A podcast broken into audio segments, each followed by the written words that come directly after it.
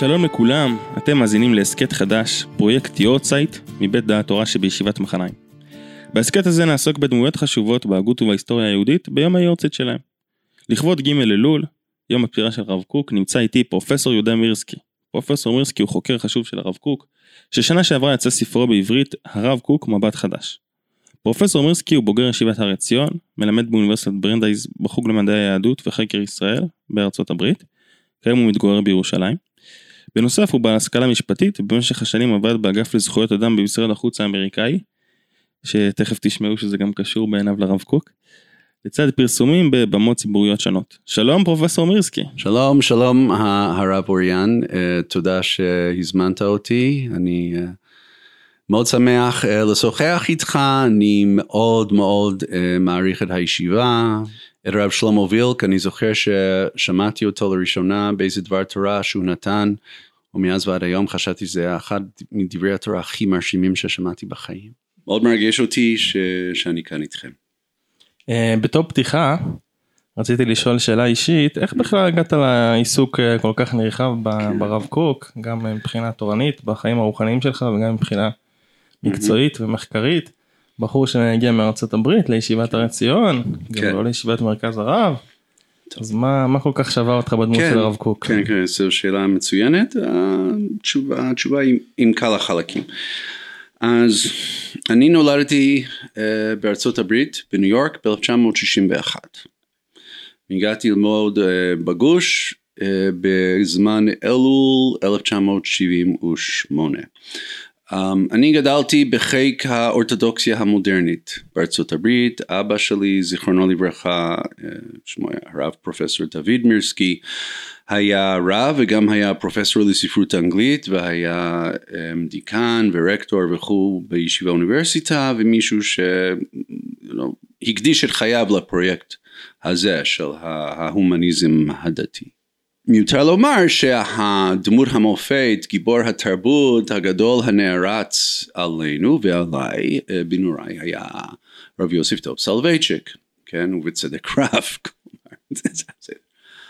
uh, כן, אבל זה היה הדגם והטיפוס וכו', ואני כמו כל בחור ישיבה מצוי רבע רציני, שמעתי קצת על הרב קוק שהוא פיגורה גדולה בציונות הדתית והטיף לאהבת הבריות והיה בעד איזשהו אמ, יחס איכשהו חיובי עם העולם המודרני אבל מעבר לזה לא, לא ידענו בכלל לא שמענו הרבה עליו. אז הגעתי לגוש ו... התוודעתי להגותו של הרב קוק דרך מורי ורבי הרב יהודה מיטל, זיכרונו לברכה. אבל בוא נאמר כך, דרך כתבי הרב קוק נפתח בפניי עולם דתי ורוחני אחר. שהאורתודוקסיה המודרנית במיטבה אה, טוענת ש... יש את העולם של התורה, ויש העולם של התרבות והערכיות אה, מסביב לה, ושניתן לחבר ביניהם שיש לא מעט נקודות ממשק, שיש לא מעט מן המשותף מבחינת הכוונות הטובות והנפשות הפועלות בטוב, דברים כמו חתירה לאמת, גם כמובן, כמובן במדעים המדויקים, אבל גם בנושאים חברתיים וכו', ויש הרבה מה ללמוד מזה.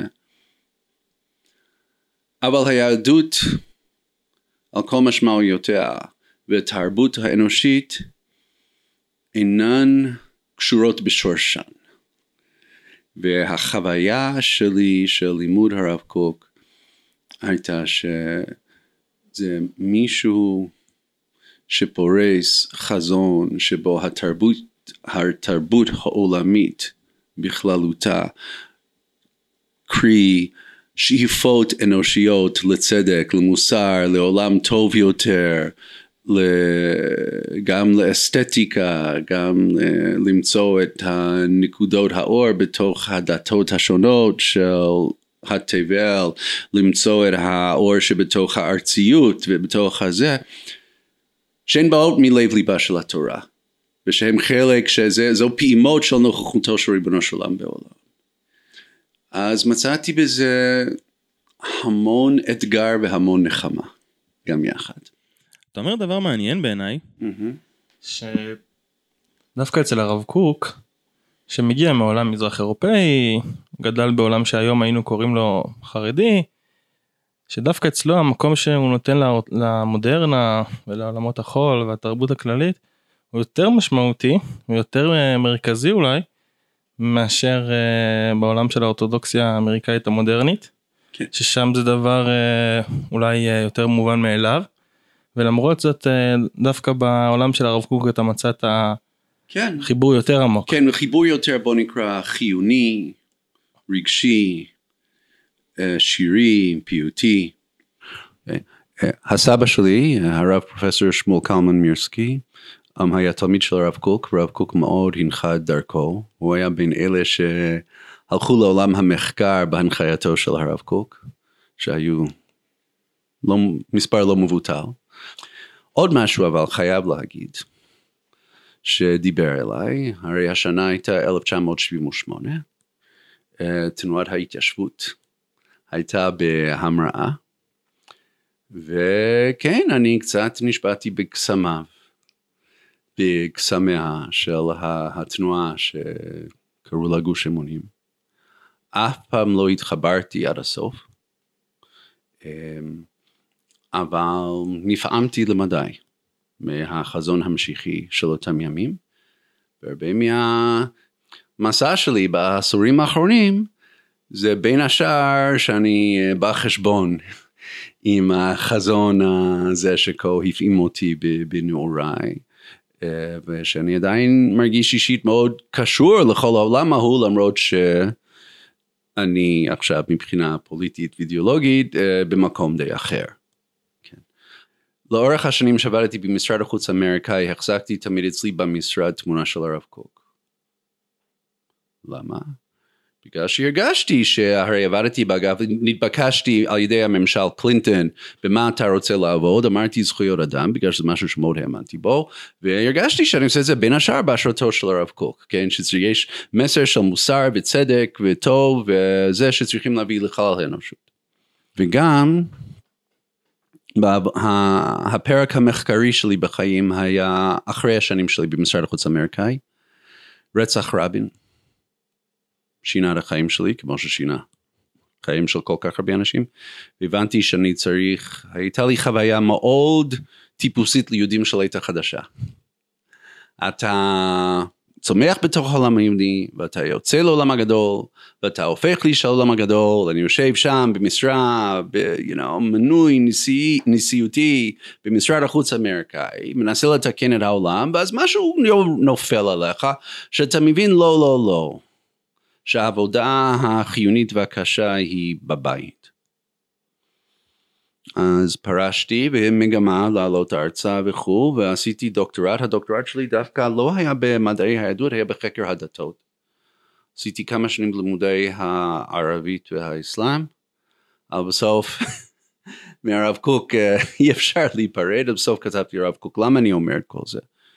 בגלל שככל שהעמקתי בחקר הדתות גם התחלתי להבין עד כמה הרב קוק הוא פיגורה חשובה בהיסטוריה הדתית של האנושות בכלל ולא רק ליהדות. אתה מתכוון שהיה לו השפעה גם על אה, אנשי דתות אחרות ועל אה, אנשים לא מעם ישראל או שהחזון שלו יכול לתת מענה לשאלות אה, אוניברסליות? אני, הרב קוק אז לא היה כזה מוכר, כן? בדרך כלל באמריקה, ודאי כשיוצאים מהמעגלים היהודים היותר פנימיים. כששואל, כשאנשים במידה ששאלו, ששומעים על הרב קוק, לסי, או הרב קוק זה הרב שאמר שצריכים לאהוב את כולם, נכון? או זה הרב שאומר שצריכים להרביץ לערבים ולהרוג אותם, כן?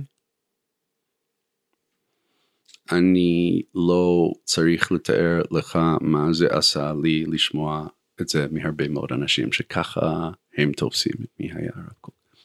בן אדם עם חזון דתי מרהיב, שהוא מושרש עמוק במסורת שלו, עם בשורה אוניברסלית ושמאוד מנסה לחבר בין הקצוות, לקדם דברים ללא אלימות, לכבד אנשים שהוא נאבק איתם מתוך איזשהו חזון דתי יותר כולל, הוא אמר מאוד מאוד משך את ליבי. אז התחלנו מהחיבור שלך לרב קוק ובעצם לקחת אותנו גם מההשפעות של הרב קוק. כן. אולי נתחיל ככה מההתחלה כן. ותחזיר אותנו ככה לחיים של הרב קוק. אחת התחושות שלי כשקראתי את הספר שלך שמאוד מאוד חווים בספר שלך שיצא בעברית את האדם הרב קוק שעומד מאחורי ההגות ואת Mhm. ההתפתחות שלו ואת המסע שלו. מרגישים את הילד בליטא עם החלומות שלו ו- ומה קורה לו ככה במהלך השנים. אז אם אתה יכול לקחת אותנו ככה לתחנות מרכזיות ב- בחייו של הרב קוק, התחנות המשמעותיות בעיניך, ואיך אה, התחנות השונות משפיעות על ההגות כן, וההתפתחות שלו. בשמחה.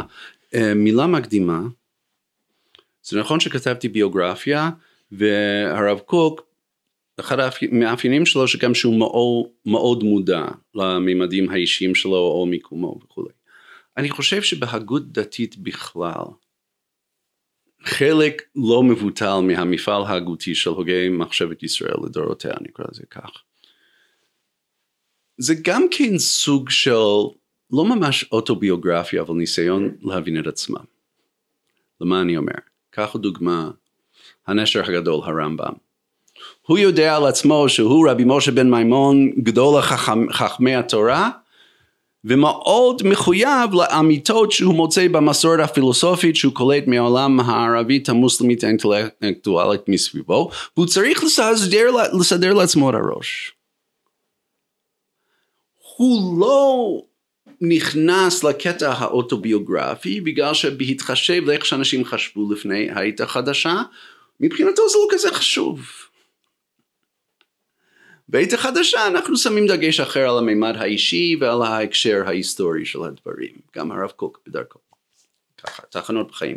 אז הרב קוק נולד uh, בגריבה, עיירה במה שהיום קוראים לטביה, אבל מבחינת העולם היהודי זה המרחב התרבותי והתורני שאנחנו קוראים ליטא, כן, בפאתיה המערבים של האימפריה הרוסית, שעוד לא התחילה ממש לדעוך, הוא נולד ב-1865.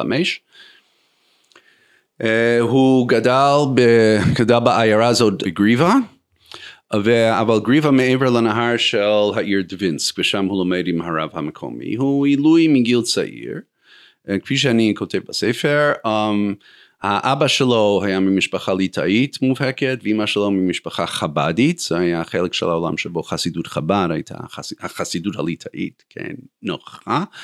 וההורים שלו מההתחלה הוא הביע מהילדות שלו הוא הביע תכונות הן של למדן ליטאי והן של מישהו עם משיכה לחסידות כן? וההורים שלו הייתה להם בדיחה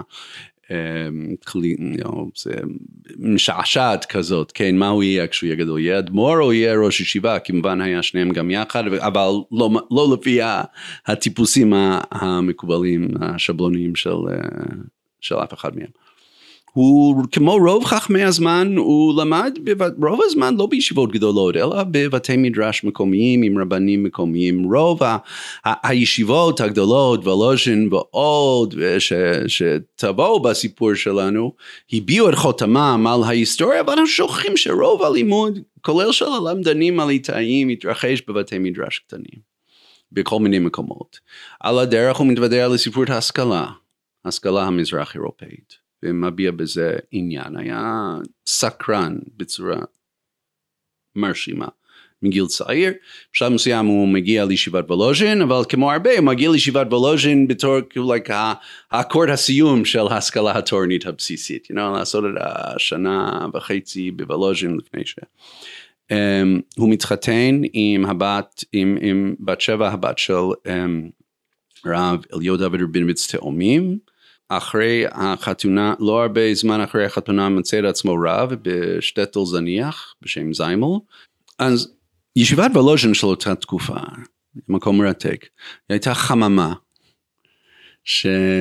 שאליה הגיעה כל מיני בחורים מאוד מוכשרים מרחבי מזרח אירופה, וכל האידיאולוגיות היו שם. חברים לספסל הלימודים של הרב קוק בישיבה, היו הן אנשים, דמויות כמו רבי זלמן מלצר, שחבר במועצת גדולי התורה, מגדול, מהגדולים של העולם התורה הליטאי הקלאסי עם השנים, ולא אחר ממיכי יוסף ברדצ'בסקי, שהמהפכן הגדול בספרות העברית של הזמן. והחוויה הזאת השפיעה עמוקות על הרב קוק גם. הוא יצא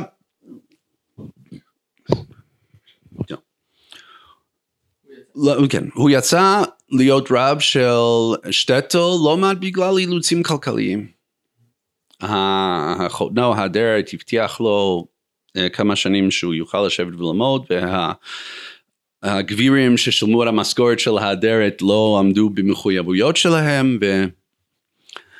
אז הוא, מג... הוא מגיע לעיירה הזאת, בכל זאת הוא בחור מלא אמביציות, הוא פותח, אה, מתחיל לפרסם אה, כתבי תורני בשם עיטור סופרים שאמור לדון בשאלות השעה, בשאלות השעה, הוא מתחיל לפרסם מאמרים על רבו מוולוז'ין, הנפתלי צבי יהודה ברלין, ראש ישיבה הנציב, והוא מתחיל את צעדיו להיות חלק מהאינטליגנציה הרבנית של התקופה. אז עם אשתו הראשונה, בת שבע, אה, אחרי הולדת בת שלהם, מתה בדמי ימיה. זה גורם למשבר, לדעתי גורם לא למשבר מאוד רציני. הוא מתחתן שוב עם בת דודה שלה הרבנית רבקה, שהיא האימא של רב צבי יהודה והאימא של, של שאר הבנות אה, של, של, של הרב קוק, של הרבנית. ואז איך שאני רואה את פני הדברים לפחות, זה מישהו שכבר התעניין בנושאים רוחניים והיה מלא סקרנות, אבל אני חושב שזה נסיבות החיים שלו דוחפות אותו לאיזשהו מסע פנימי. הוא מתחיל להתעמק יותר בקבלה, בקבלה הליטאית, יושב קצת אצל בעל הלשם, הרב אלישיב. אחד הדברים היפים בכתבים או שעוזרים לנו בכתבים המוקדמים של הרב קוק שהוא עדיין מצטט מה הוא קורא. כלומר עדיין מביא את האזכורים בהפניות.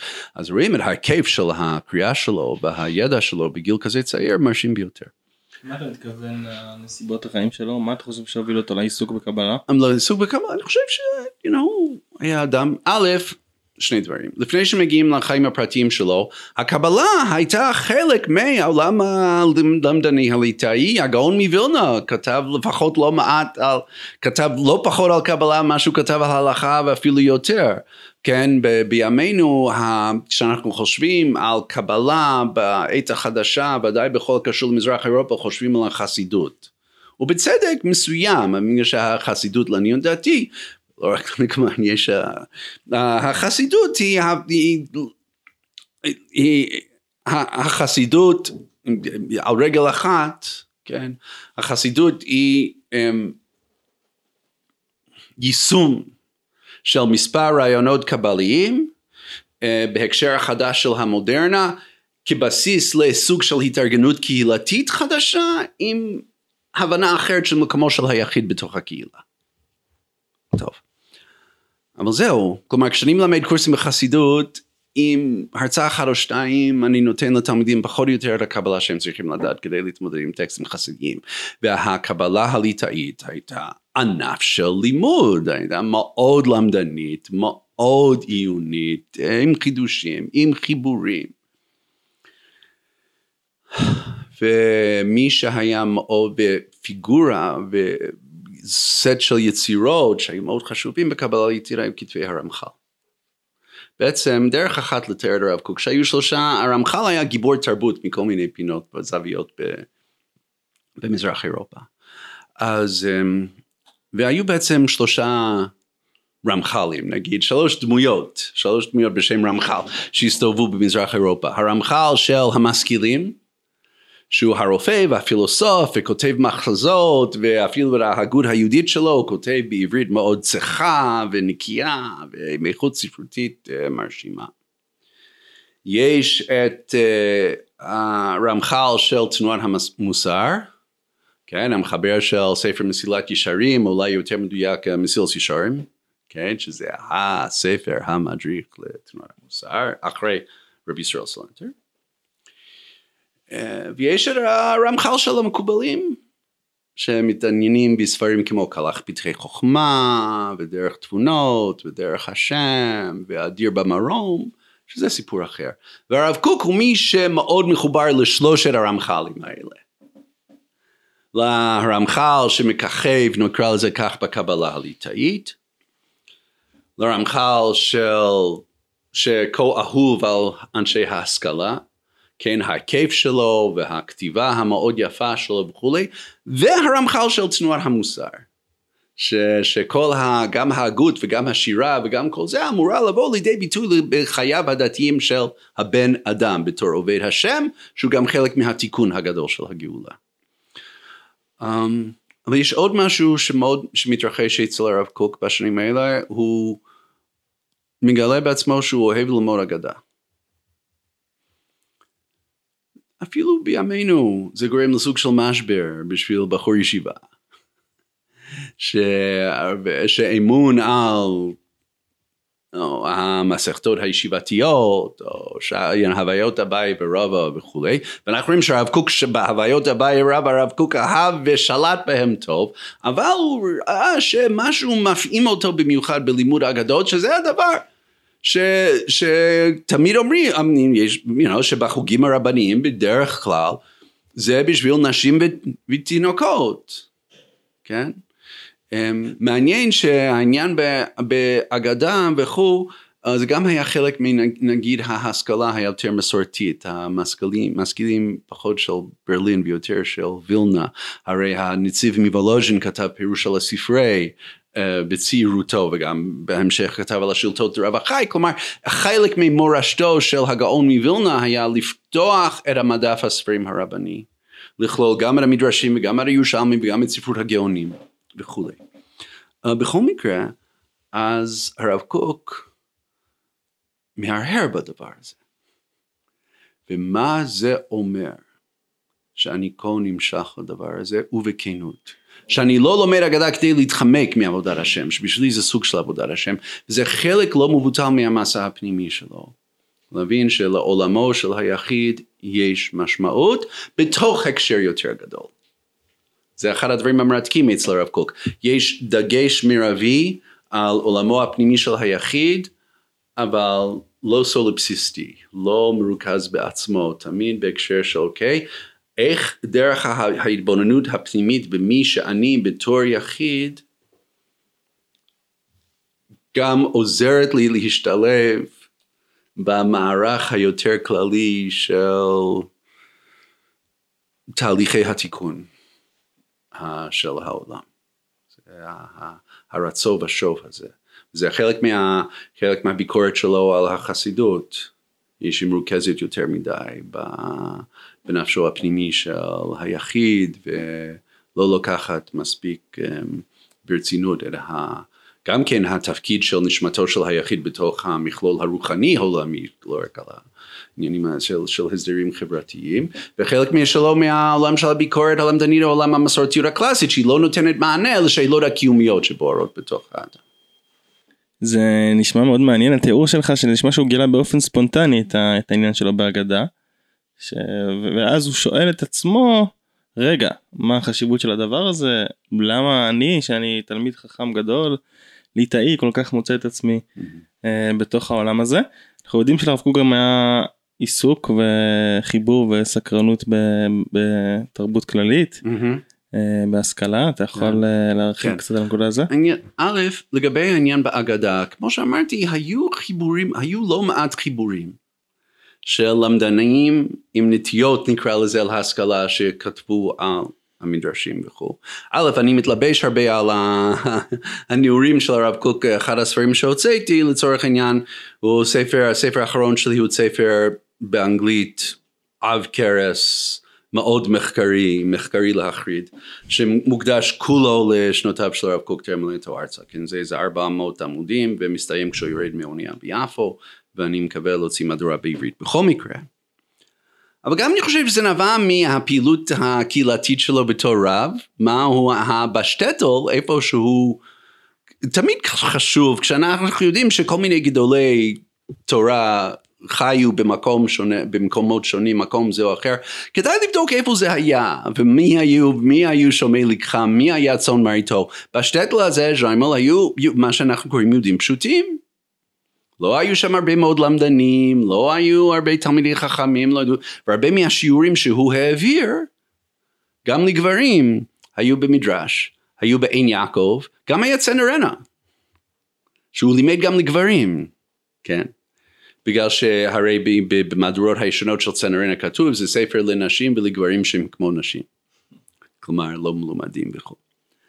אז אני חושב שזה בא גם, גם של גרועים, וגם הוא התחיל לכתוב את היומן, כן, וגם הוא התחיל באותם שנים בזיימל לכתוב את היומנים שלו. כן, שזה זה כור מחצבתו ההגותית הדבר הזה ושם הוא וגם הוא מדבר על זה ברגישות על אנשים שמסביבו ואיך שהם אנשים קשי יום שמנסים בכל זאת להיות יהודים טובים. Um, וגם אני חושב שחלק מהעניין שלו העיוני באגדה זה גם חלק מהתגובה שלו לתנועת המוסר.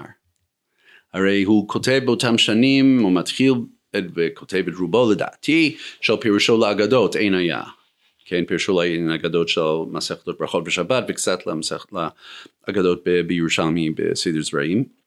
ואני חושב שבין השאר, מכל מיני סיבות, אני חושב כך, זו הייתה חלק מהתגובה שלו לתנועת המוסר.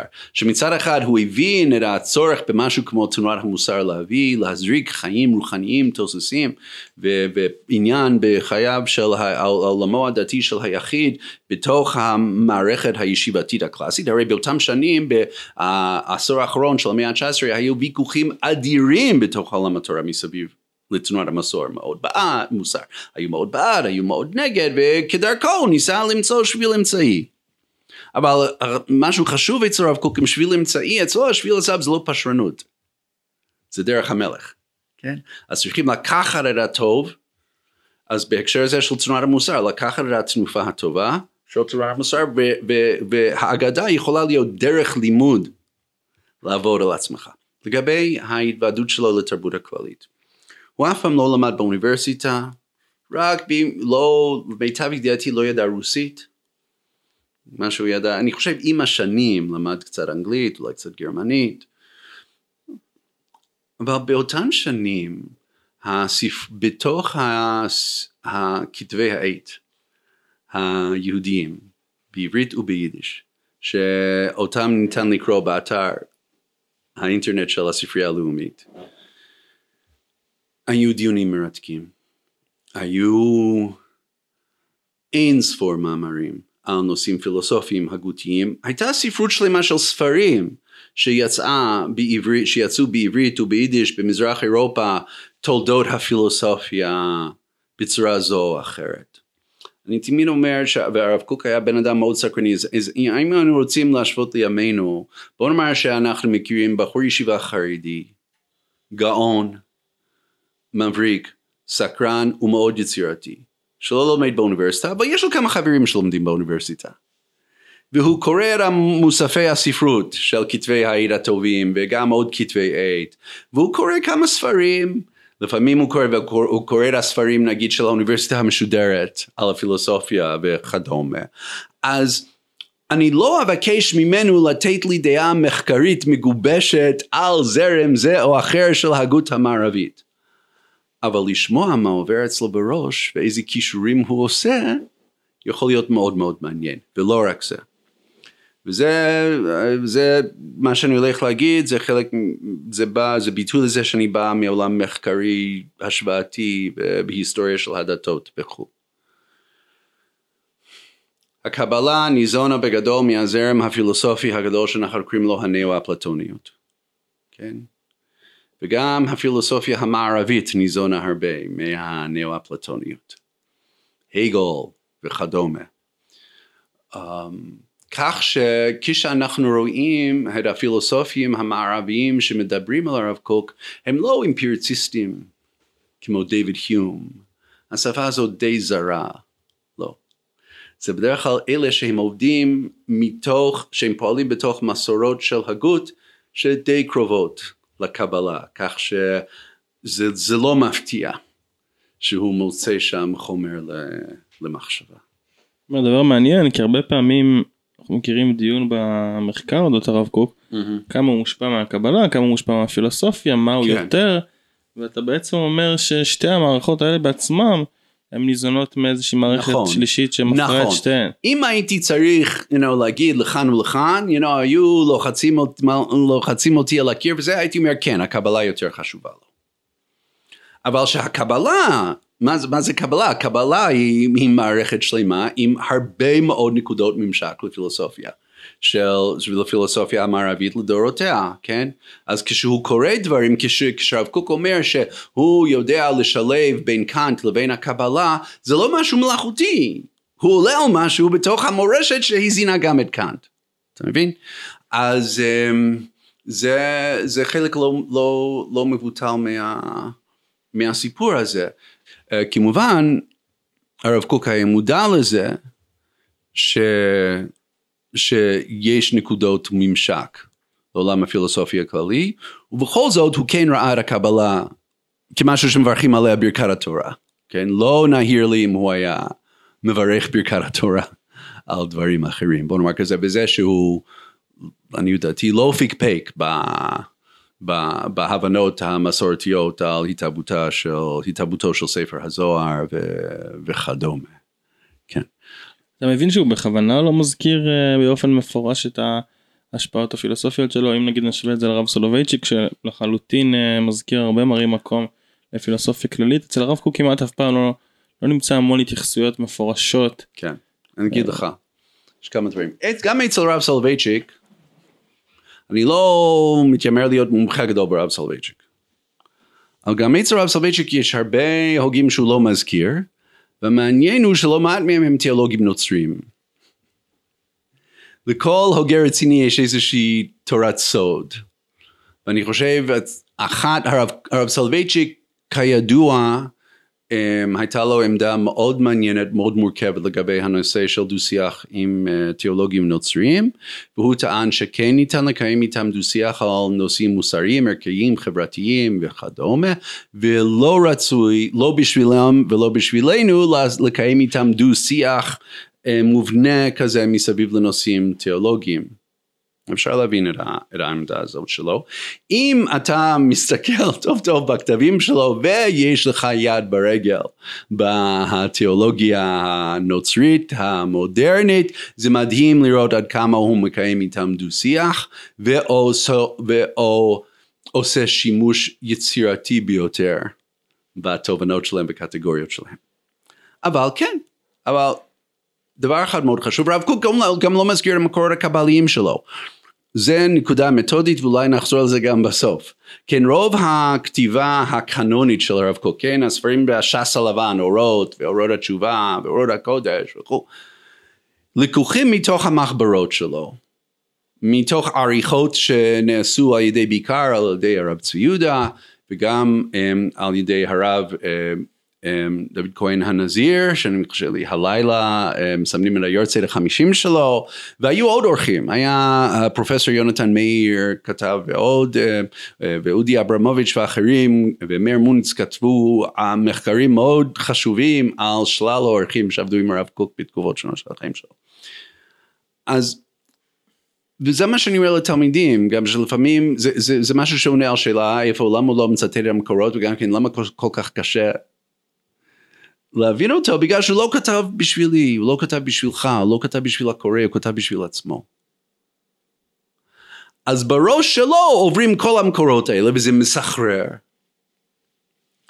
אבל ולפעמים הוא כן מזכיר בשמית מתי חשוב קבלת הארי זה, הרמ"ק זה, you know, שופנהאואר ניטשה, לצורך העניין, אבל לא הרבה.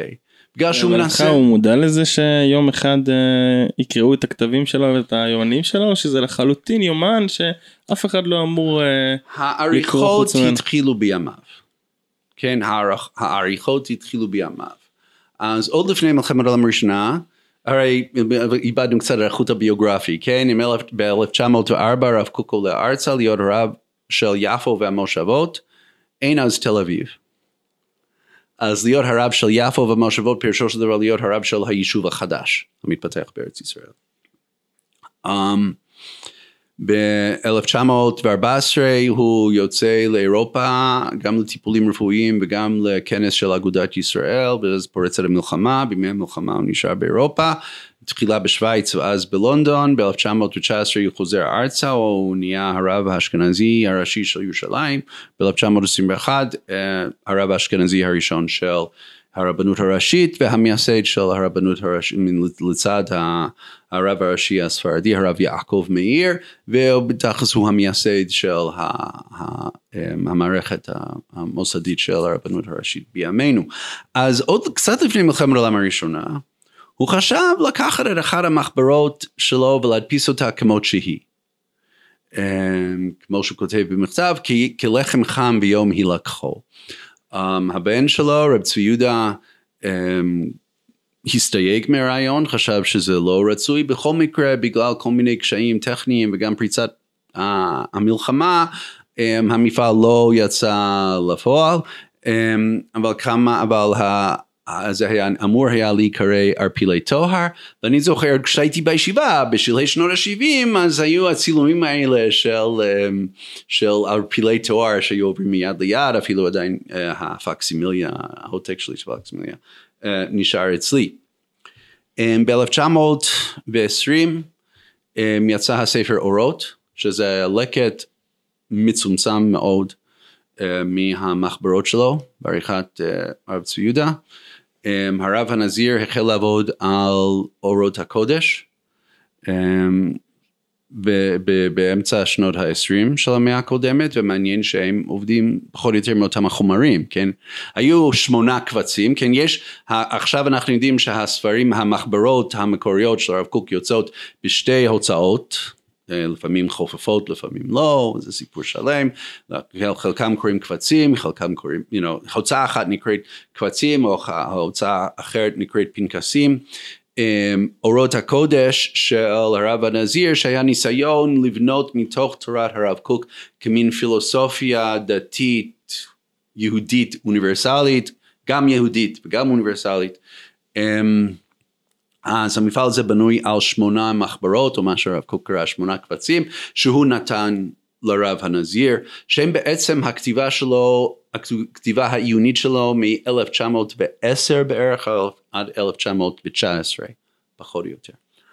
אז באותם שנים שוב הרב קוק הוא לא מצטט בגלל שהוא כותב לעצמו הוא מנסה להבין לעצמו, הוא עובד על בעיות, I mean, זה חלק מהיופי של הכתיבה של הרב קוק, שהוא כותב משהו שלכאורה נשמע כמו um, קטע שירי, פיוטי, לירי, um, שזה נכון, וכשאתה בודק שוב, הוא תוך כדי פותר בעיות מאוד אה, אפילו טכניות בפרצוף זה או אחר בקבלת הארי. או שאלה פילוסופית טכנית תוך כדי השטף, השטף הציורי והלירי של, של, של כתיבתו. אני מחזיר אותך רגע להגעה של הרב קוק לארץ, מה קורה לו כאן מבחינה רוחנית? איזה אתגרים הוא פוגש, ואני מרגיש שבתיאור שלך של את הרב קוק בחוץ לארץ, היה, הייתה אולי, היה אולי איזה אושר, אבל בסך הכל הייתה איזו דמות אחת, שלמה, שתלמיד חכם גדול, שמתעסק גם בקבלה, גם בפילוסופיה, הדגשת לנו כמה גם העיסוק הקבלי הוא חלק מהעולם הליטאי הקלאסי. מתי מגיע הקרע? מתי הרב קוק צריך להתמודד עם דברים שסותרים? או שתורות חוץ לארץ הופכת לתורת ארץ ישראל וכל זה, שזה נכון. אז מה זאת כך? מפתיע ככל שזה נשמע במבט לאחור, הרב קוק לא היה קשור לציונות רוב השנים שלו בחוץ לארץ, הרי כשהוא הגיע ארצה הוא כבר בן 38. לא כש, כשהוא קיבל את המנוי להיות הרב של יפו, אז היו אנשים שהתפלאו, כאילו, like, מה, כאילו, הוא לא היה חלק מחיבת ציון, לא היה, לא הלך לקונגרסים הציוניים, לא לקח חלק במזרחי העשייה הדתית בתוך הארגון הציוני העולמי. ועוד יותר מעניין, המושג ארץ ישראל, המונח ארץ ישראל לא מופיע הרבה בכתבים שלו המוקדמים, והוא כתב הרבה מאוד, גם אז בחוץ לארץ, כלומר היא מופיעה אבל היא לא קטגוריה משמעותית עבורו, לא קטגוריה שדרכה הוא מארגן את המחשבה, בניגוד לקטגוריה של עם ישראל וכנסת ישראל. שמתחילת דרכו להבין מה זה, מה, מה זה הדבר הזה, כנסת ישראל, ומה זה להיות יהודי, ומה המשותף והמפריד בין היהודים לשאר משפחות האדמה, זה מעסיק אותו מההתחלה. ועוד שאלה שמעסיקה אותו מההתחלה, זה היחס בין הגוף לבין השכל והנשמה. אחד הדברים שהפתיעו אותי כשהתעמקתי בכתבי הרב קוק בציורתו עד כמה הפילוסופיה הרמב"מית הייתה חשובה לו. והרבה מהחשיבה שלו על איך להתנהל, איך היחסים בין השכל והגוף והנשמה יסודם ברמב"ם ועל זה הוא בונה את הרעיונות הקבליים. אבל בוא נאמר, היה בשביל הרב קוק ולא מעט, היו לא מעט הוגים ציונים, אנחנו, אוקיי, let me. אנחנו, אנשים רגילים לתפוס את הציונות כמענה לשאלה פוליטית. שאלת האנטישמיות, כן. יש כאלה שרואים את הציונות, you know, יותר נוסח אחד העם כמשהו שפותר את הבעיה של ההידרדרות של התרבות היהודית, או הרוח הלאומי היהודי בצורה זו או אחרת. אבל בשביל הרב קוק, ולא מעט אנשים, כולל אנשים שאנחנו מסווגים אותם כהוגים פוליטיים גרידא, או תרבותיים גרידא, הציונות גם הייתה, סיפקה להם מענה לשאלות פילוסופיות. היחס בין היהודים לשאר העולם. היחס בין חיי הגות לחיי המעשה. אז, אז העיסוק בציונות, או בש, בוא נאמר כזה, שאלות העומק מתחת לציונות, כבר מתחת לפנייה של הציונות, התחילו שם. ואני חושב בלאומיות היהודית ובציונות, הרב קוק מצא מענה לשאלה הזאת של היחסים בין הגוף והגופניות. לשכל ולנשמה והנשמתיות וגם היהודיות והאוניברסליות והתפתחותם של שתיהם על ציר הזמן בתוך התהליך של הגדול של התיקון של הגאולה המובל, התיקון, התהליך שמובל מתוך ההיסטוריה על ידי ריבונו של עולם לפי תורת הרמח"ל. הציונות נתנה לזה מענה ועוד משהו מאוד מאוד מאוד חשוב. עוד משהו שריתק את הרב קוק מההתחלה היה המרד של האידיאליסטים הצעירים נגד הממסד הדתי והרבני. הרי הרבה מהם למדו איתו בישיבה, אז הוא הכיר אותם. אנחנו יודעים שכשהוא למד בוולוז'ין, בחורים שהיו להם חיבוטים ובעיות באמונה, אז הנציב הציע להם ללכת לדבר עם אברהם יצחק קוק. שהוא ידע איך לדבר איתם, יכול היה להבין לרוחם, יכול היה לשוחח איתם בגובה העיניים. זה ריתק אותו. ואלה ש, שמשליכים מעל עצמם את העול של ה, או המחויבות לסמכות הרבנית וזה, ועושים את זה לא מתוך נהנתנות. איך שהוא כותב לחלוצים והסוציאליסטים ברוסיה, עם כל הכבוד לאמריקאיות שלי, הוא לא כותב כזה, הוא לא כותב בטונים כאלה על אלה שהיגרו לאמריקה, כן? אבל הוא מרותק מהאנשים האלה, שבשם ערכים שאי אפשר להתכחש לזה שהם ערכים יהודים טובים, כמו הדאגה לעניים, כמו דאגה לעתידו של עם ישראל, כמו דאגה לארץ ישראל, כן? מוכנים עד חירוף נפש להקריב את עצמם עבור הדבר הזה, את זה צריכים לקחת בחשבון ולא רק. וזה מפתח להרבה, וגם כן מפתח להרבה מאוד דברים בכתיבתו של הרב קוק. הרב קוק נשאר נאמן כל חייו לתורה והמסורת איך שהוא קיבל אותה מרבותיו.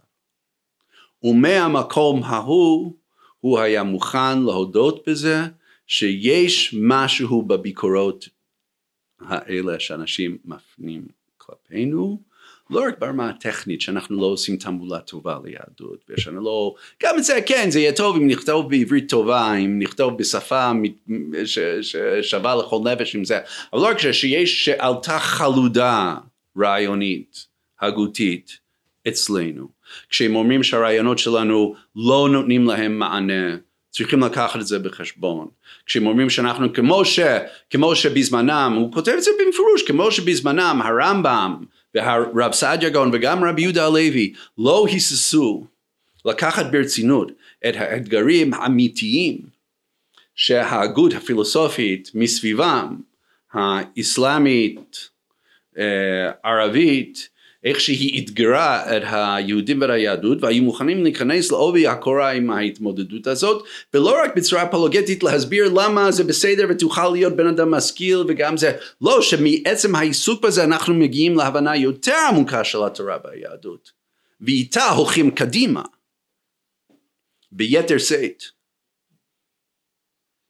זה החידוש זה החידוש. אתה אומר uh, כמה דברים שאולי יפתיעו חלק מהמאזינים שלנו אז אמרת שהציונות כמעט ולא העסיקה את הרב קוק שהוא עדיין בחוץ לארץ נכון. אלא העסיקה אותו הרבה יותר אחר כך. נכון. הציונות מעניינת לא כשאלה פוליטית וכשאלת היהודים אלא כשאלה רוחנית כן. שהיא מתחברת למסע הרוחני שהרב קוק עסוק בו גם ככה כן. והציונות מעניינת דרך האנשים.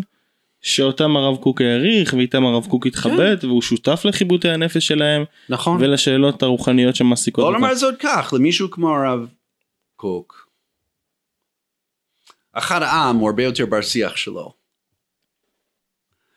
ומהרצל שלא נדבר על א' ד' גורדון. ואיך שהוא תופס את הרצל הרצל הבן אדם לא מעניין כן, נכון? איך הוא, יש ההספד המפורסם שהוא כותב על תיאודור הרצל, שהוא נותן על תיאודור הרצל, והוא רואה כסוג של משיח בן יוסף, למה? בגלל שמשיח בן יוסף זה גאולת הגוף. משיח בן דוד זה גאולת הנשמה. ומשיח בן יוסף נפטר בגלל שזה זה כמה, כמה חודשים אחרי שהוא מגיע ליפו ולא רק זה אמ, ולא רק זה אמ,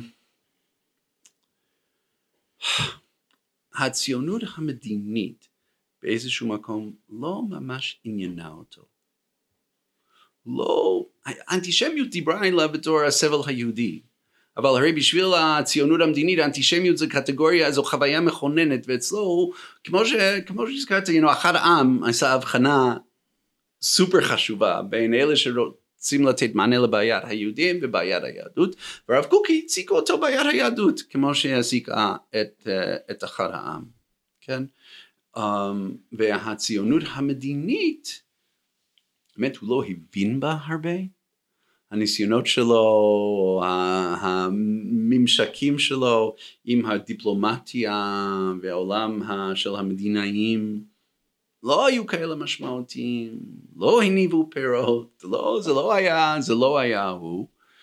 אמ, והציונות המדינית, כן, העסיקו אותו הרבה פחות, הוא ראה בציונות מענה לשאלת היהדות ועוד משהו. יש באיזשהו מקום הרבה מהגותו של הרב קוק היא בנויה, הולכת מסביב הקטע המפורסם בתיקוני זוהר, לד אתר פנוי מיני. אין שום מקום או מרחב שנטול אלוקות. אלוקות. אז הוא מיישם את זה גם, הוא רואה את זה שזה תקף גם בהיסטוריה וגם בתרבויות וגם באנשים האידיאליסטים מסביבו, ריבונו של עולם, אם יש כזה מרד של חבר'ה טובים שלמדו איתי בישיבה, ריבונו של עולם מנסה לומר לנו כן? אז הוא, יש את המינוח הזה תיאודסי, כן? שזה ה- ה- ה- התחום בתיאולוגיה ופילוסופיה שמנסה לעשות הצדקת האל, כן? צדיק ורע לו. תיאודיציה. תיאודיציה, אז אני חושב שחלק מהגותו המפלו של הרב קוק היה כמין לעשות um, תיאודיציה על המודרנה. איך ריבונו של עולם יכול להביא את זה שכל כך הרבה אנשים, לא אנטישמיות, רדיפות, שגויים רוצחים יהודים, בסדר, זה ידוע לנו, שכל כך הרבה יהודים עוזבים את היהדות על בסיס ערכי? על בסיס שאנחנו לא מוסריים? על בסיס שאין לנו רעיונות? על בסיס שלא אכפת לנו מיהודים פשוטים? אוקיי. זה משהו אחר. על זה צריכים לתת את דין. זה ריבונו של עולם מנסה לעשות כאן משהו. כן? זה כמין, איך, איך, איך הקהילה היהודית יכלה לקרוס כזה? איך הרבנים ככה איבדו את סמכותם? ושוב, אנשים שרוצים להיענה להיות נתנים, you know, לרדת, לנסוע לאמריקה ולהתבולל בסדר, מה ש...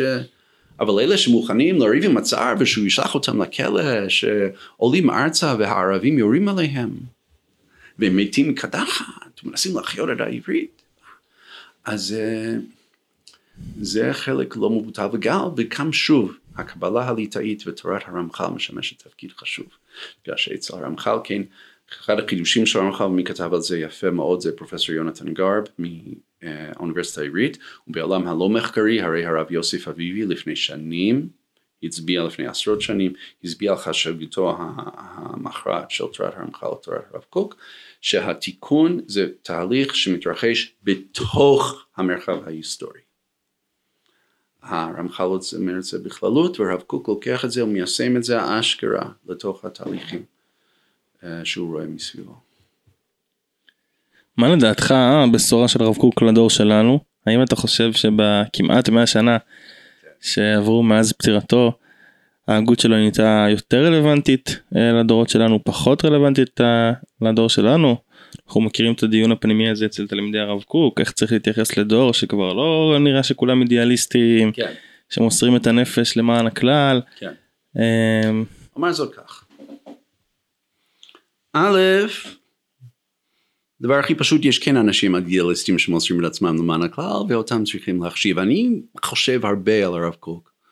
בהקשר, הרי אני למחייתי מלמד באוניברסיטה האמריקאית. ושם אני נחשף להרבה מאוד תלמידים שחלק, שמגיעים עם יחס ביקורתי למדי ליד, ל, לעולם היהודי הממוסד ושלא נדבר על ישראל והמפעל הציוני. ואני יודע שהרב קוק נותן לי כלים לשבת איתם, להקשיב, לדבר ולנסות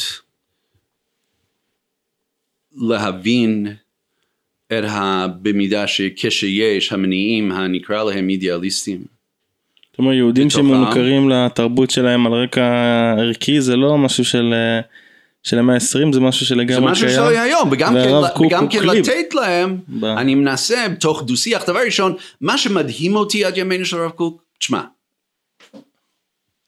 אני אגיד משהו קצת אישי. טוב. אני גדלתי במשפחה מאוד מאוד פתוחה מאוד סובלנית. אני יודע מאנשים שהיו שם כשאבא שלי נפטר נפטר בצורה פתאומית ומאוד עצובה בגיל יחסית צעיר.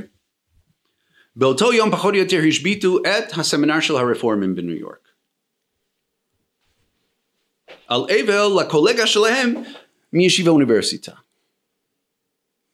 כולל, אני יודע סיפורים על תיאולוגים נוצרים שאבא שלי היה עושה איתם like, דיונים, דו שיח, בפומבי, כלומר היו, לה, היו לו אי הסכמות איתם בזירה הציבורית ובכל זאת התאבלו ממש על לכתו, כן? ובכל זאת, מי שאני, כשאני נכנס לבית כנסת רפורמי, אני צריך לנשום עמוק, ואני חושב על אבא שלי, ואני חושב על הרב קוק, לא שהרב קוק היה בעד הרפורמה, בואו בוא נהיה כנים. I mean, זה מופיע רק פעמים ספורות, הביקורת על הרפורמה היא מאוד מעניינת, אבל על זה נוכל לדבר פעם אחרת. אז אני נפעם כל הזמן שמישהו כמוהו, רגע בוא נשום עמוק, בוא נראה מי האנשים שעומדים מסביבנו. גם ריבונו שלם ברא גם אותם, לא יש בהם אמת. אולי הם גם כן חותרים לטוב. אולי יש אצלם חלק מהטוב שלא נמצא אצלך. אמ, אני חושב הסכנה לכל בן אדם דתי, לא משנה אם אתה תלמיד של הרב קוק או באיזה חוגים דתיים וכולי, באיזה חוג דתי אתה נמצא. כן, הסכנה, אחת הסכנות האהובות לכולנו תמיד זה להגיד שאני בסדר. אני שם וי על מה שאני צריך לשים וי עליו, בין אם זה שאני מצביע על המפלגה הנכונה, אני חי לפי משנה ברורה, אני מקפיד על שמירת הלשון כמו שהחפץ חיים אמר להקפיד, whatever. ואני בסדר. אז יש משהו בעמדה של הרב קוק שמציב איזשהו סימן שאלה נצחי אבל לא מדכא. זה לא שאולי אתה לא בסדר בגלל ש... you know, אתה באמת בן אדם נבזי, אתה באמת מנובל, אתה באמת זה, לא, אולי אתה לא בסדר בגלל שמה שלא, אין מה לעשות, ריבונו של עולם יותר גדול. האמת של התורה יותר גדולה. כשחושבים על הבשורה של הנביאים, כן? כשהנביא אומר, ויגאל כמים משפט. יש מצב שיבוא יום ותעבור, איזו חקיקה תעבור בכנסת בנושא ביטוח לאומי, או אני, זכויות של נכים, או אני לא יודע מה, שנוכל להגיד, אוקיי, עכשיו רשמית, המשפט כמים נגולו, וי, צ'ק. אין. הדרישה היא אינסופית. כן? אז, אבל הדרישה האינסופית בשביל הרב קוק, לכבוד איך שאני תופס אותו, הדרישה האינסופית הזאת באה ממקום של קוראים לזה אינסוף בגלל שזה מעיין הנובע, זו התחדשות תמידית. שהחיים עשירים יותר, והחיים שנובעים מריבונו של עולם, מאינסוף עשירים יותר על כולנו. זה טוב, אבל השאלה היא, כמובן, אפשר לתרגם את זה למשנה פוליטית זו או אחרת? אני יודעתי לא. כלומר, לא זה, לא זה. כמו שאמרתי בהתחלה. אתה מתאר את הרב קוק כדמות שמאוד uh, מושפעת מהסובב אותו, מאוד מקשיבה uh, לאנשים שסביבו ו- ומאמינה לכנות המניעים שלהם כן. ומחפשת את הנקודה הרוחנית העמוקה mm-hmm. שהם uh, חושפים בפניו. מעניין אותי לשאול אותך על רקע זה שאני חושב שאחת הביקורות על הרב קוק ו- ואולי אפילו עוד יותר על חלק מתלמידי הרב קוק זה שלפעמים נדמה שיש איזה אידיאולוגיה שכופים אותה על המציאות שלא מתבוננים על המציאות ולפי mm-hmm. מה שרואים במציאות מסיקים את המסקנות אלא יש איזו תפיסה רוחנית עמוקה mm-hmm. שכל כן. מה שקורה במציאות צריך להתאים אליה ולא משנים את האידיאולוגיה לאור מה שרואים במציאות אלא להפך מעניין אותי מה אתה חושב על הביקורת אני... הזאת ואיך אתה רואה את הרב קוק ב... אני חושב שיש הרבה הזה. בביקורת הזאת האמת. Um, יש השאלה של הנאיביות של הרב קוק, כן? כמו הזמרת לפני כן, מה החילונים לגבי החילונים של ימינו, זה לא רק עניין שוודאי כשהרב קוק תיאר לעצמו עם ישראל המתחדש בארץ ישראל המתחדשת הוא לא חשב על ה... נגיד הפרסומות שאנחנו רואים בנתיבי איילון כן או בתחנות אוטובוס בירושלים. והרבה מהחילונים של היום וכו' הייתה להם ביקורת כמו ש... you know, זה לא רק הרב קוק, כן? אם היינו מעלים באוב את uh, נשמותיהם של, אני יודע, אהרון דוד גורדון, יוסף חיים ברנר, המשוררת רחל, דמויות כמו דוד ילין, כן, הרב עוזיאל, ופורסים בפניהם החברה הישראלית של ימינו, יכול להיות שהיו דברים שהיו מאוד מאוד מרגשים אותם, ודברים שהרבה פחות. אבל זה לא רק עניין של החילונים דאז מול החילונים של עכשיו וכזה. אצל הרב קוק עם כל גדלותו, אין, בן, בן, אין בן אדם מושלם, נכון? אין, אין הוגה מושלם, אפילו מישהו ענק שבענקים כמו הרב קוק. למשל, הוא לא ספר השאיפה האנושית לכוח. פשוט לא מופיע בכתבים שלו התייחסות לזה, לא... יש הרי סיפורים גם, כשהוא היה יושב בתור בית דין, בדיני חושן משפט, היה צריך לשבת ולהתבודד כמה דקות, למה? בגלל שהיה צריך להכניס את עצמו לראש של מישהו שמוכן לריב על כסף. אנחנו יודעים שהוא חי בעוני רוב החיים שלו. כשהוא יצא למסעות גיוס כספים, הוא הצליח, במידה שהצליח, הצליח רק כשהגייס כספים למפעליהם של אנשים אחרים, בגלל שהיה לו מאוד קשה לגייס כספים לעצמו. התאווה לכוח, התאווה לשלטון, התאווה להתאכזר, התאווה לבצע. באיזשהו מקום הם לא הופיעו בעולם הרוחני, הוא ידע שהם קיימים, אבל הם לא...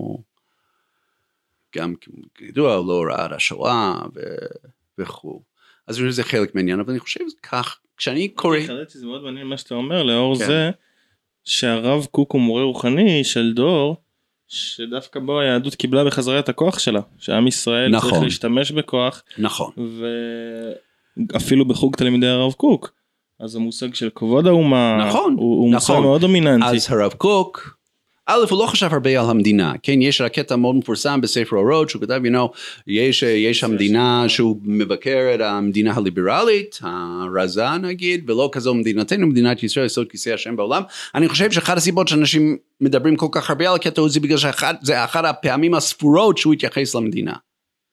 בניגוד להגיד, למשל כמו רב חיים הירשנזון. או לצורך העניין גם הרב הרצוג ורב עוזיאל שכתבו רבות על מה ההתייחסות של, מה ההתייחסות הלכתית למדינה, לדמוקרטיה, לפרלמנטריות, לכל הדברים האלה.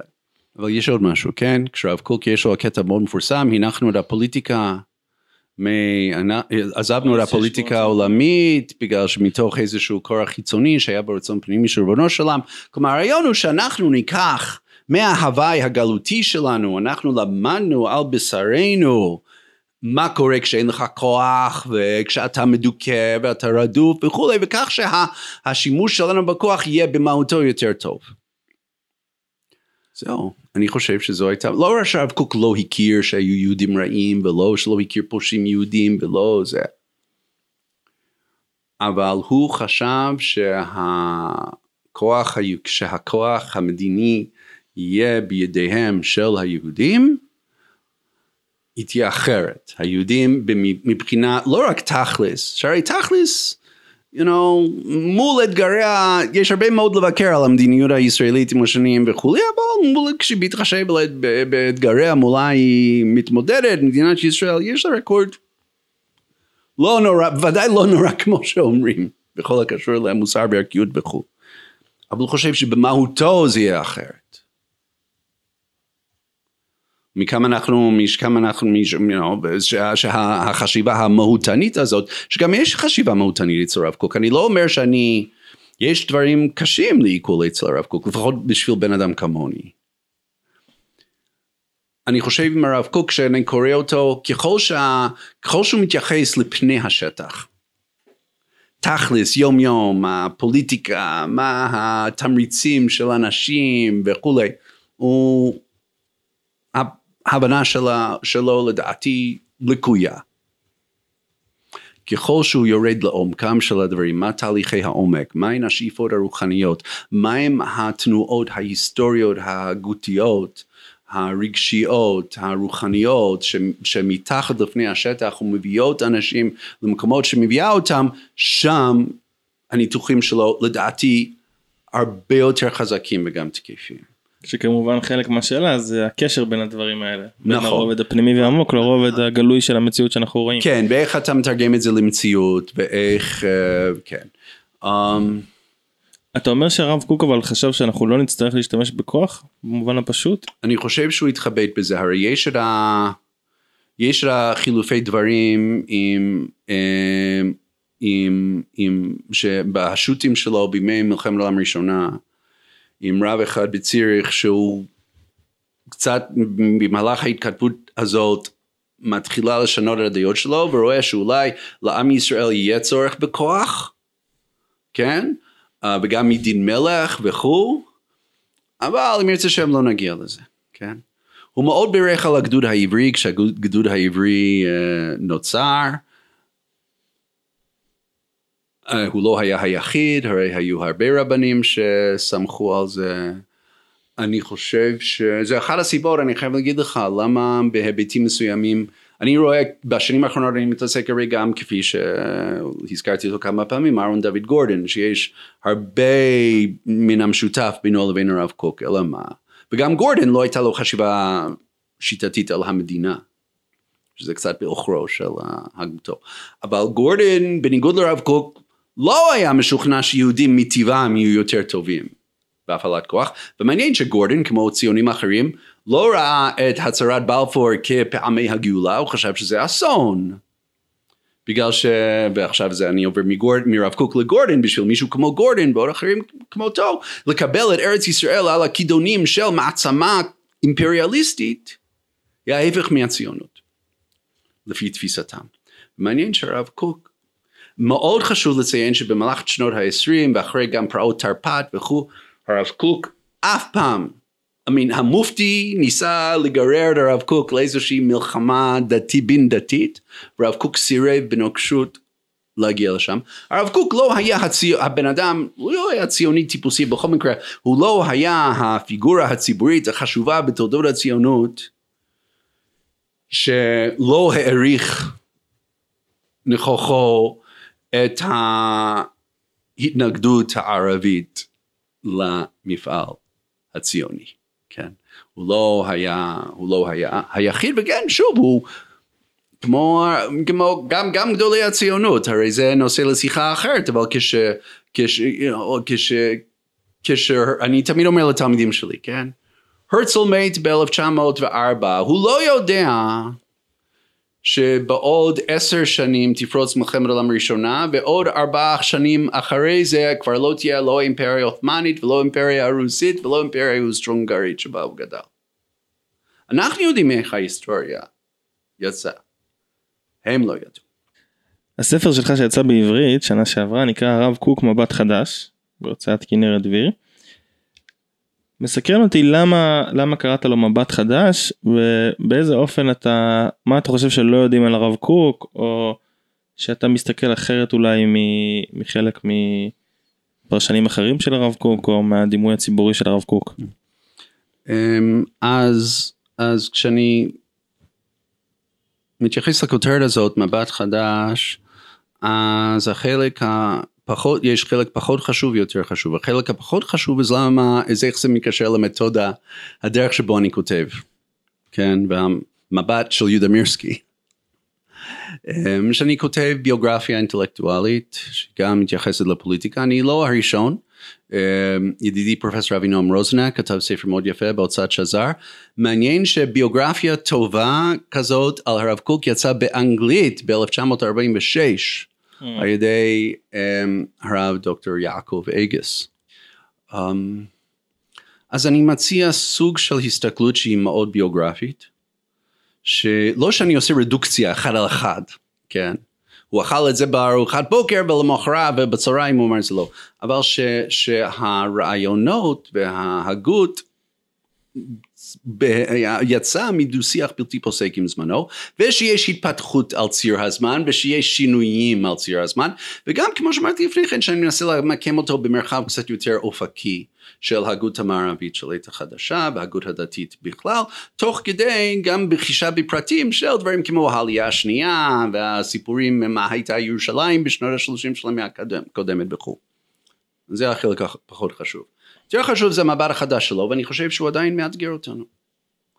אני חושב שא' הרב קוק מאתגר אותנו לקחת את החיים שלנו ברצינות, להאמין בעצמנו.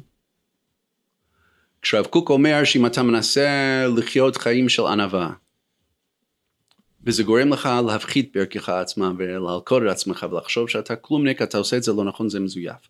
זו אמירה מאוד מאתגרת. גם, גם מנחמת וגם מאתגרת. הניסיון לראות את, לראות את המניעים הטובים הערכיים באנשים שמסביבך, לראות איזשהו, אה, לראות את השאיפות האנושיות למוסר וצדק וכולי כביטוי של ריבונו של עולם. אה, המבט החדש שלו, אני חושב עדיין, אני חושב שיש כל מיני מפעלים ברוכים מאוד שיצאו בהשראתו של הרב קוק, כמו הוצאת דעת המקרא, דעת מקרא של מוסד הרב קוק, כמו האנציקלופדיה התלמודית, כמו התלמוד של הרב שטיינזלץ, כמו כל מיני. ובכל זאת לא מיצינו את כל היופי שבמשהו, באתגרים שהוא מציב לנו, וגם כמו שאמרתי, המבט החדש, המכיל, הרחב, וזה, תוך כדי uh, ניסיון לראות במגבלותיו גם של, ה, של המבט הזה. ולקראת סיום הייתי רוצה אולי שתיתן לנו כמה טיפים ללומדי הרב קוק. אנחנו יודעים שלא תמיד פשוט ללמוד את הרב קוק. כן. השפה והתכנים אה, מה הטיפים שאתה יכול okay, אוקיי, לתת לנו? טיפים במידה שכמה דברים. א' לא להיבהל. ואם זה קשה זה בגלל שזה קשה. וכמו שאמרתי צריכים להבחין בין ה... הדברים השונים שהוא כתב ומתי ולאיזה קהל. כן? למשל, ניקח לדוגמה הספרים, הספר כמו מאמרי הראייה, שזה מאמרים שהופיעו בעיתונים, בכתבי עת, מאז בו ארצה עד סוף ימיו, אז אלה מאמרים שנועדו לקהל יותר רחב. אז הם יותר קריאים, יותר נגישים, והאמת פחות מרתקים, רוב הזמן. כן. כדאי לשים לב, למשל כשקוראים את הפירוש שלו לסידור, או לראייה. אם קוראים את המבואות, אנחנו, אני יודע, לא יודע לגביך, אני בתור בחור שגדלתי, למרות הרקע המחקרי בחיים, במשפחה שלי, הייתי מאוד בחור ישיבה, כלומר, אתה לא קורא את המבוא של ספר. אתה מדלג על המבוא ונכנס, קופץ ישר לעניינים. אם קוראים את המבואות, לספרים, אז למשל רואים שעולת ראייה, אה, חלק אחד ממנו אה, נכתב במכה אחת פחות או יותר בפרק זמן אחד של אה, אחרי הצהרת בלפור. והשאר אם שמים לב כתוב עולת ראייה ליקוטים, ליקוטים מאיפה? רובם לקוחים מעין היה הפירוש של מסכת ברכות. וזה עוזר לנו למקם. גם עין היה היה משהו שרב קוק כתב עם עין לקוראים פוטנציאליים. אז הוא יותר קריא וגם שוב קצת פחות מרתק או קצת פחות הרטט הפנימי. כי אחרי זה שזכינו כבר ב-20 ומשהו שנה החל מ-1999 שזכינו לראות את המחברות של הרב קוק בצורתן המקורית אנחנו מבינים עד כמה היו זקוקות לעריכה. שרב צבי יהודה צדק, רב צבי יהודה צעיר, כשאומר שאי אפשר סתם להוציא דבר כזה לאור ושאנשים יבינו במה מדובר, היו זקוקים לעריכה. אז כשקוראים את הכתבים הקנוניים של הרב קוק, להבין, כמו שאמרתי, להירגע. אם זה קשה זה בגלל שהוא לא, לא כתב עבורי, או עבורך, או עבורך. הוא כתב לעצמו. זה למה הוא מביא את הציטוטים, זה למה הוא... ויש עוד טיפ בקבצים. שיש, אני זוכר שהייתה קבוצה של תלמידים ותיקים של כתבי הרב קוק, שישבנו ולמדנו אה, פעם בחודש, לפני מספר שנים, אנשים לומדים קבצים, והיו כל מיני פסקאות מאוד מאוד קשות. שאני הבנתי, אם אתה מוכן לקבל את האופציה, את האופציה שגם ברמה הגותית, הוא היה מוכן להגיד אולי הכופרים צודקים. אולי יש משהו במה שהם אומרים. אז הכל נעשה מאוד חלק. זה לא נעשה כפירה, אלא אם כן מישהו שאתה חושב שזה כפירה. אבל יש כל מיני מהלכים של המהלכים מחשבתיים שמאוד קשה מה הוא מנסה לומר עד שאתה מבין שהוא מוכן להגיד שיש לאלה האלה שמבקרים את היהדות או את התורה על בסיס זה ואחר יש להם משהו לומר? ועל בסיס זה אני נכנס יותר לעומק. הוא מבין יותר לעומק, הוא מבין את מה שהוא כותב, כן, כפי שהפסקה של, של, של פרופסורית תמר רוס, המורה של כולנו, כן, מצטט, you know, לבנות את ארמון התורה מעלה, כן, אז אם נזכרים בזה, אז אני לא חושב שהרב קוק, לדעתי, לא חושב שהיה יום אחד שהוא ממש פיקפק באמונה בתורה מן השמיים וזה, לא. אבל היה מוכן לראות שיש משהו בדבר הזה, יש כאן זווית מחשבתית שכדאי לעבוד איתה. אני חושב שזה עוד טיפ. וגם כן יש שוב להבחין בין ספרים, אני האמת אגיד, אני לא משתמש הרבה בספרות העזר מסביבה, מסביב כתבי הרב קוק, אולי זו לקות שלי, אבל אני לא משתמש בזה הרבה, אני מנסה ללמוד, אבל תוך כדי שאני מנסה לבדוק את המקורות שהוא משתמש בהם, לא רק אצלו, מלא הוגים, מה המקורות שהוא משתמש בהם, אבל מה עם הקשרם של הדברים, וגם כן מאוד כדאי לגשת לכתבי הרב קוק עם ידע מסוים על ההיסטוריה של התקופה. של העלייה השנייה, שהיא תקופה מרתקת כשלעצמה, והשנים של הבית הלאומי והמנדט והכל. יש לך המלצה גם למקומות שהרב קוק משתמש במינוחים אה, קבליים יותר? המלצה איך להתמודד עם הקטעים האלה חוץ מ... מאוד קבלה. כלומר בוא נאמר כזה הספר שערי אורה של רבי יוסף צ'יקטיליה כי זה ספר יסוד בהבנת הטרמינולוגיה של הספירות.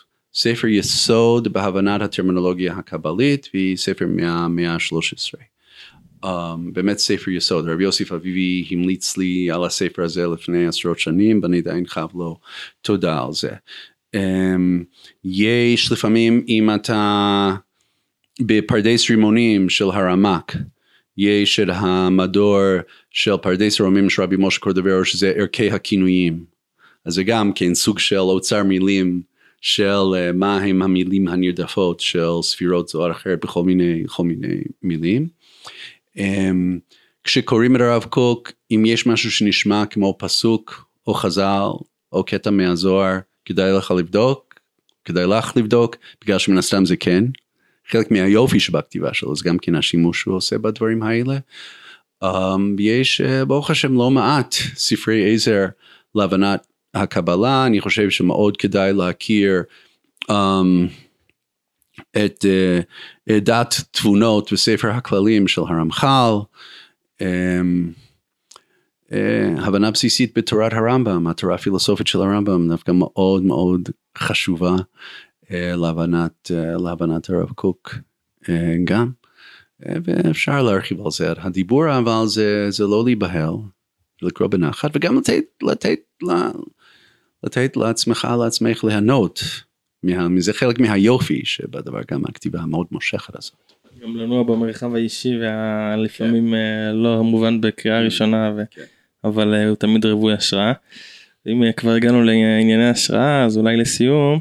הייתי שמח שתשתף אותנו באיזה קטע שאהוב עליך במיוחד. כן, יש קטע אחד, תודה, תודה, זו שאלה נהדרת. אז יש קטע שאני מבין גם בספר, אני לא אקריא את כולו בגלל שהוא מאוד uh, מורכב, אבל הרי אנחנו, כפי שאמרנו, אנחנו uh, על סף uh, חודש אלול. אז יש קטע, הזכרתי את הקובץ הזה שנקרא ערפילי תואר, שזה בעצם משמונת הקבצים זה קובץ ב'. נדמה לי שזה מספר קנ. כן, זה קובץ ב' קנ, זה משהו על, אמ, על תשובה והכאב על עוונות שלנו. אז אני קורא, האדם הכואב תמיד על עוונותיו ועוונות העולם, צריך הוא תמיד למחול ולסלוח לעצמו ולעולם כולו. ובזה הוא ממשיך סליחה ואור חסד על ההוויה כולה, ומשמח את המקום ומשמח את הבריות. ובתחילה צריך למחול לעצמו, ואחר כך הוא ממשיך מחילה כללית על הכל, וכל הקרוב קרוב קודם, על ענפי שורשיו מצד הנשמה, ועל משפחתו, אוהביו, דורו אומתו, עולמו, וכל העולמים, כאן אני מדלג, בסוף הפסקה הרב קוק אומר, ובא לברכת אברהם שאין דור שאין בו כמותו. היינו צריכים לתת לך לקרוא יותר קטעים במהלך, ה... במהלך השיחה הזאת תהיה נעימה שאתה קורא את הדברים. כבר uh, חצי דרך. תודה רבה. תודה, תודה לך, תודה, תודה לך ולכם. תענוג לשוחח איתך. מאוד נהניתי ותודה על הסבלנות והקשב.